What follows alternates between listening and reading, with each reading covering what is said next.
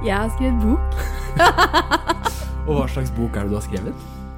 Jeg har skrevet en bok om hvordan du kan leve av din livsoppgave. Ja. Og hvordan du kommer deg i flyt med universet. Og hvorfor har du skrevet den boka? Fordi jeg eh, brenner så for det her. At folk skal leve et rikere liv, og at de skal kunne skape fra det som er ekte i seg.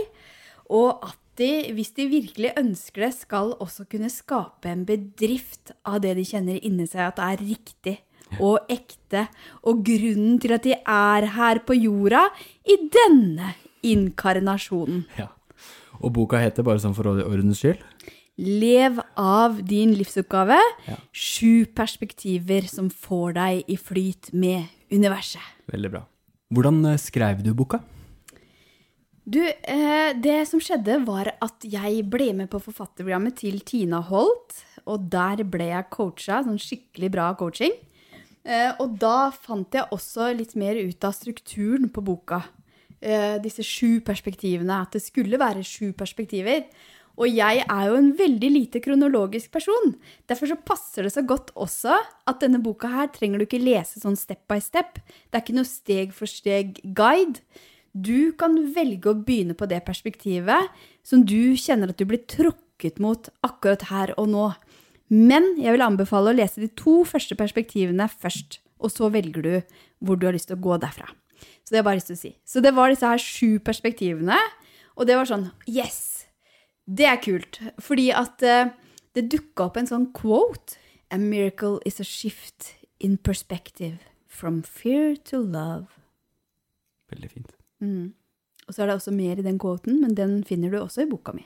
Det er Marian Williamson som har dette quotet. Ok, så da hadde vi rammene på boka. Eh, og så var det jo sånn at jeg og Tina hadde et møte, og så gikk det slag i slag, sånn at jeg fikk en kontrakt med Nord.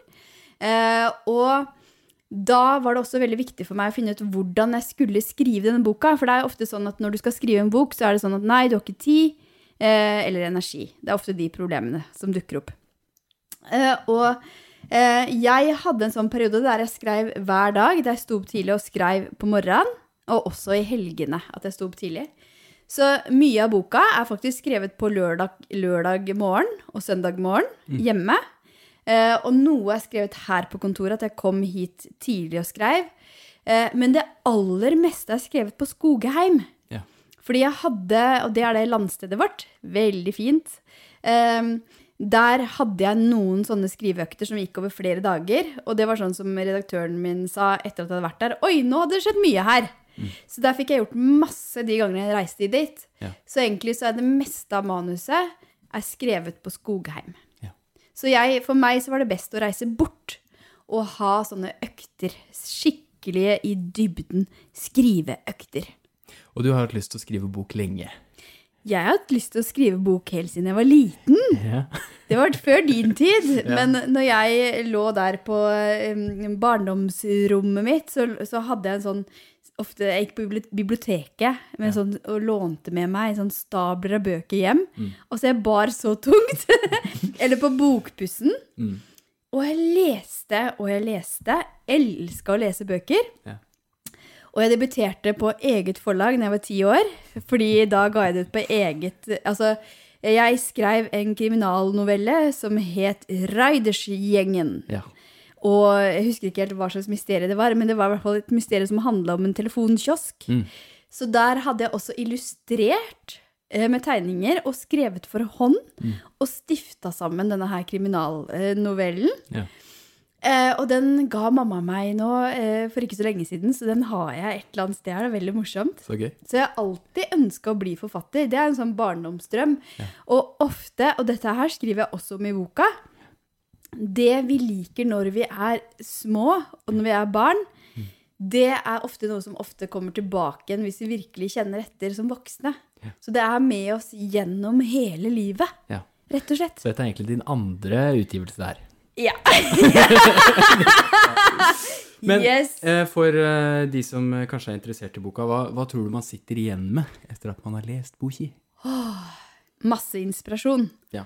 Og motivasjon. Ja. Og framtidstro. og mestringstro Ja. og håp.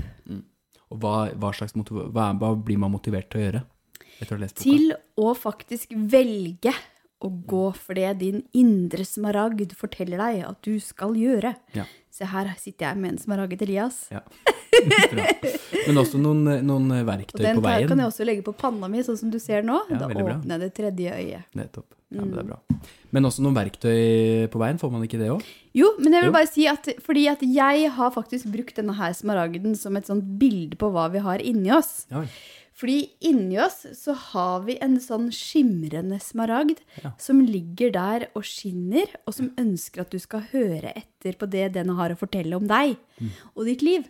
Og det er jo derfor også at kroppen forteller deg når du er på feil spor. Mm. Og da gjelder det å tune seg inn og lytte. For kroppen er et verktøy for sjelen. Ja. Og det skriver jeg også mye om. At eh, når du ikke hører etter og bare styrer ut fra hodet, så vil kroppen på et eller annet tidspunkt si fra på en eller annen måte. På en måte som gjør at du ikke har noe valg heller. Nettopp. Mm. Apropos verktøy. Ja. Man får vel også litt uh, støttehjul. Eh, ja. ikke Det er mange konkrete verktøy. Eh, altså, de første kapitlene eh, Så jeg har jo sju perspektiver. Mm. Eh, og det er sju perspektiver som da får deg i flyt med universet. Ja. Eh, og hvis du har lyst til å høre hva disse sju perspektivene eh, handler om, så kan du gå tilbake og høre forordet mitt. Mm. Eh, så eh, Men det er noe som er uh, inspirasjon, og så er det noe som er helt konkrete verktøy. Ja. For eksempel så skriver jeg en del om manifestering.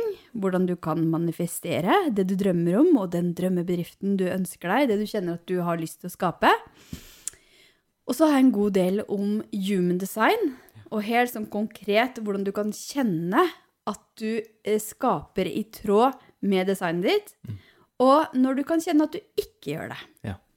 Veldig fint. Så det jeg, vi legger eh, forordet i beskrivelsen på denne podcast-episoden også. Ja, det er lurt. Det er lurt. Ja. Så, um, um, så Og så har jeg også um, noen helt konkrete verktøy som handler om hvordan du finner budskapet ditt, Mm. hvordan du finner konseptet ditt, hvordan du forteller de gode historiene. Ja. Så det jeg har fått tilbakemelding på fra, fra flere av de som har lest boka, Mm. det er at ja, den er spirituell, men samtidig så er den veldig jordnær Ja. og hands on. Mm. Så, eh, og det jeg syns er litt morsomt òg, er jo at eh, både språkvaskeren min og min redaktør, de er ikke spirituelle, Nei. men de likte boka. Ja. Det syns jeg er kult. Det er veldig kult. Fordi da er det også mange flere enn de som ser på seg sjøl som spirituelle, som kommer til å like boka. Og vi skal få en liten smakebit i dag også, skal vi ikke det? Fra Boki. Fra Boki. For du skjønner det at eh, i denne Boki så har jeg også flere kundehistorier. Ja. Og det syns jeg er så sterkt å lese. Og noen av de kundene som er med, de har jo fått lese også sin egen historie og har blitt faktisk veldig rørt av det. Ja. At oi, dette er jo min historie. ja. Eh, Er det litt sånn Oi, jeg, det, jeg var egentlig ikke klar over at det var sånn her det så ut. ja, og at det også er litt sånn poetisk, da. Ja. det er bra. Så jeg har gjort det litt poetisk. Ja.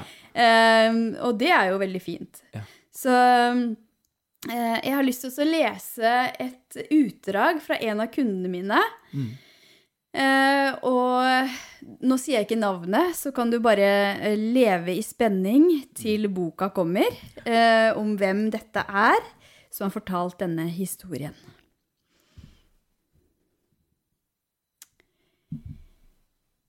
Jeg prøvde så godt jeg kunne å holde villhesten i meg nede. Jeg må jo ha en jobb, jeg må jo, jeg må jo, sa jeg til meg selv. Men innerst inne visste jeg at jeg jobbet i motsatt retning fra det universet forsøkte å fortelle meg. Jeg fløt ikke med, jeg kjempet imot det som er naturlig for meg. Det var smertefullt og kaotisk på innsiden. Etter hvert blånektet villhesten i meg å gå på jobb. Den steilet som om det lå en slange i veien. Dette var resultatet av at jeg valgte å ikke lytte til alle de små signalene jeg har fått underveis. Den indre villhesten hadde prøvd å vise meg hva som kan skje når alt er i flyt, men jeg nektet å ta imot.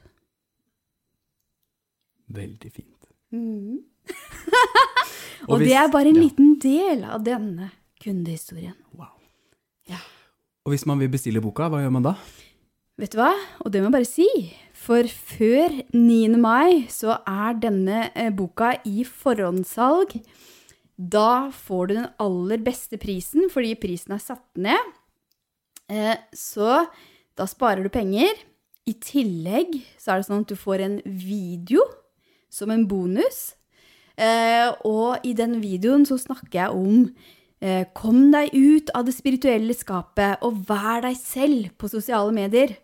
Og der er det også flere som har sagt at herregud, det er så flaut å se den videoen at jeg bare slår den av.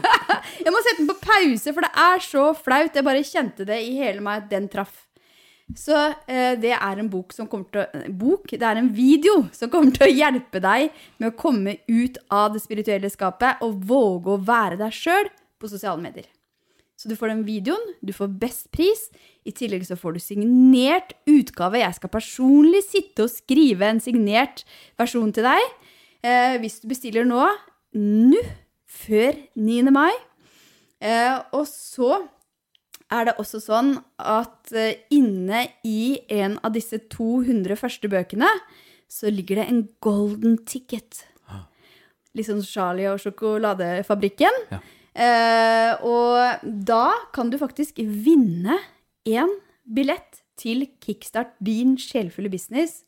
Eh, så hvis du åpner opp boka, så kan det hende at det ligger en golden ticket. Men den er kun til de første som bestiller, så da gjelder det å bestille nå.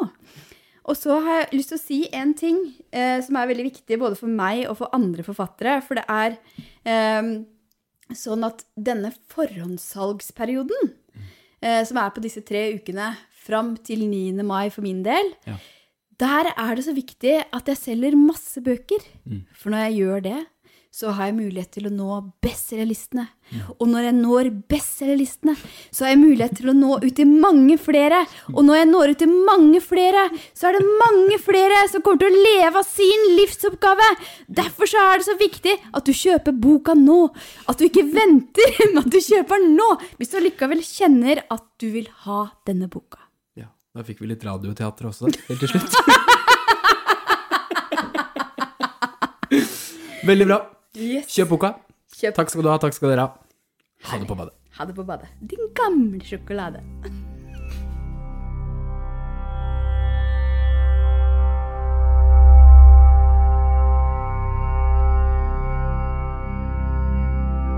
Sjelfull Businesspodden er produsert av Rask Produksjon for Maika AS.